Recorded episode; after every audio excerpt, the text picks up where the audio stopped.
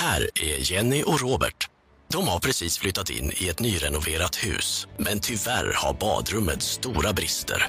Nu behöver de snabb hjälp från proffs som håller vad de lovar. Därför ringer de oss på Prestigo.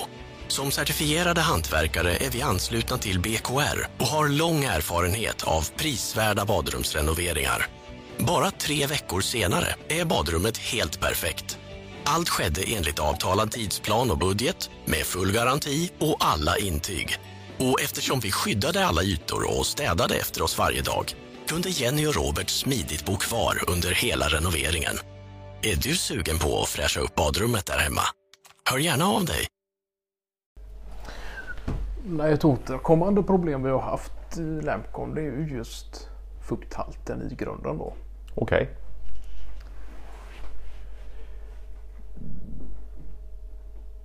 Och där har ju på senare tid Jim Felter varit inkopplad just för att säkerställa fukthalten. Ja, ja.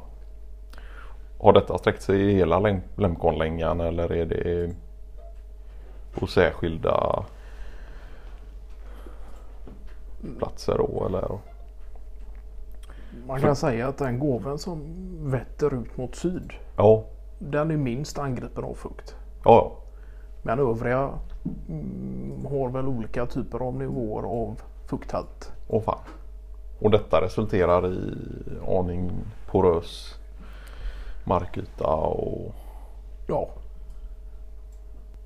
men jag har kontinuerlig koll ja, ja. och fukthalt och för jag menar det att det är ju inte nödvändigtvis så att, att just den typen av, av, av koll och, och ju väldigt ofta förebyggande arbete. Eh, för när väl betong och mark börjar bli porös eller sprickor då har det ju ibland gått för långt. ja just det. Nej men det är väl kanske framförallt då i anslutning till eh, varumottagning och, och, och lageravdelning då. Ja, Och att det kanske inte är en eh, jämn typ av värme där utan eller snarare det kanske är en varm typ, jämn typ av värme där men den, den är låg då. Så det är väl det som är skillnaden från resterande lokaler då som ändå kontinuerligt är uppvärmda. Ja, ja. För annars kan man ju tänka att det, det är ju inte helt ovanligt med, med jag tänker på att för länge sedan så låg det ju ett vattendrag där ni har lokaler nu. Ja, Som de drog om och sådär. Jag tänker på den intilliggande ån där. ja just det. Och det är ju inte helt ovanligt att jag menar det finns ju bostadshus och hyreslägenheter och sådär där de upptäcker mygg och knott och grejer på grund av att det finns vatten under husgrunderna. Eh, det, men det är klart att värmen har ju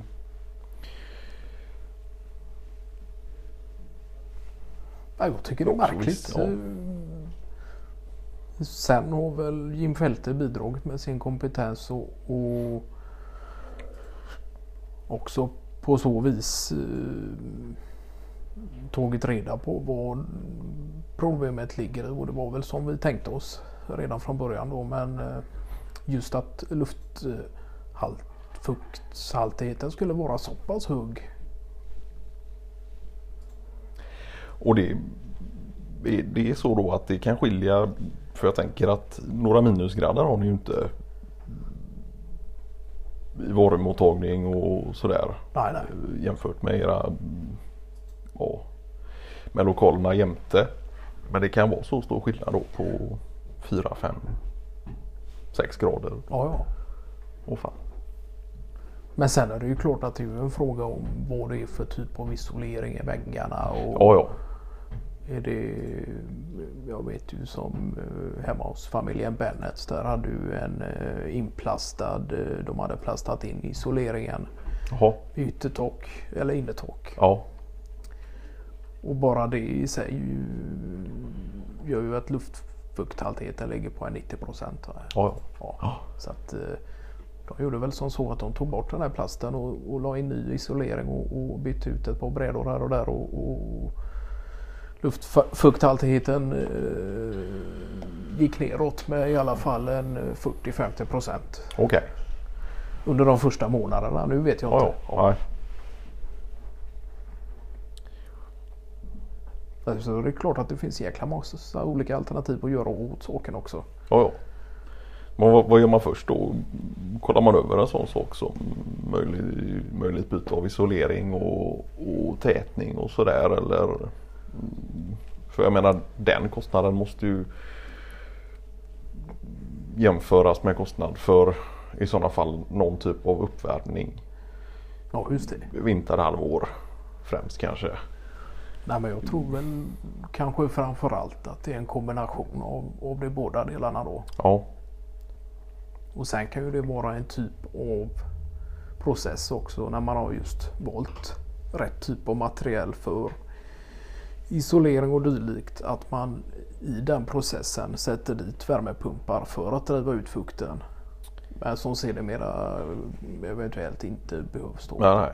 på grund av att man har uppnått den typen av önskad fukthalt. Då.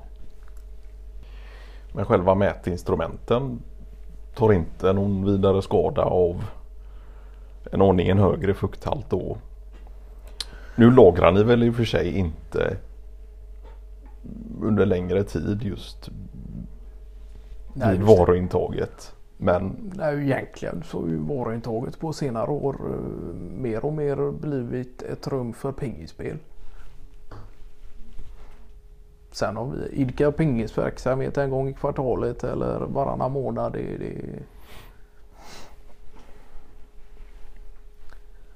Men den har väl blivit lite att den har hamnat i centrum för att, när vi eventuellt planerar någon fiesta eller liknande för företaget. I och med att vi har vårat externlager som redan används för den typen av hänseende då. så egentligen kan man säga att varumottagningen vid huvudkontor och magasin används i regel mer sällan. Allt eftersom att externlagret eh, används så pass mycket då.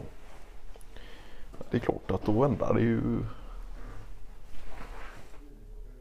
Nej, vi har väl haft tankar eh, tidvis om att göra kon- kontor även av den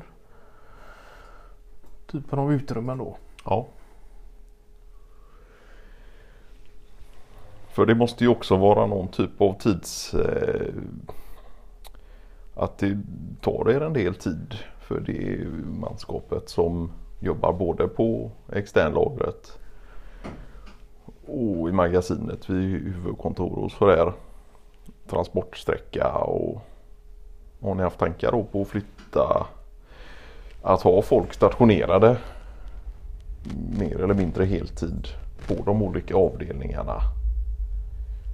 Och försöka minska på åkandet fram och tillbaka då. Det har väl inte varit sådär jäkla mycket åkande egentligen utan Nej. det är ju Arskog som åker dit och ser till det av och till och sen är det väl någon utav oss i truppen som åker dit och kollar om vi behöver någonting för att använda ute i fält eller liknande då men i övrigt så är det väl inte den typen av ruljans i den bemärkelsen när det kommer till externlagret då. Nej.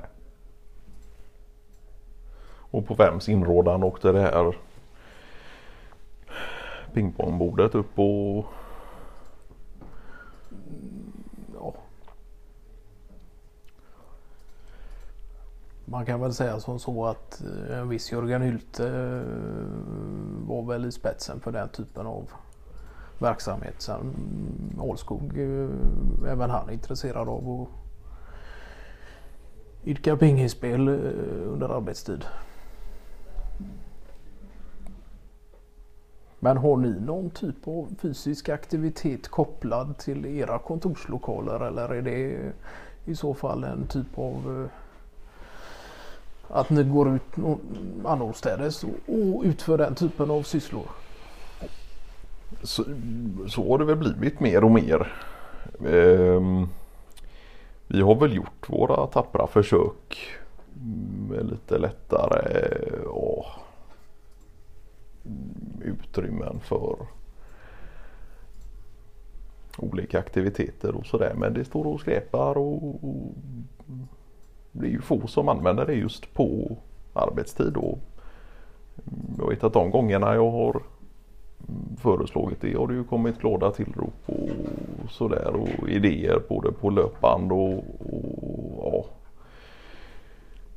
sådär. Men eh, nej, min upplevelse av det är väl egentligen att det mest står och tar plats då.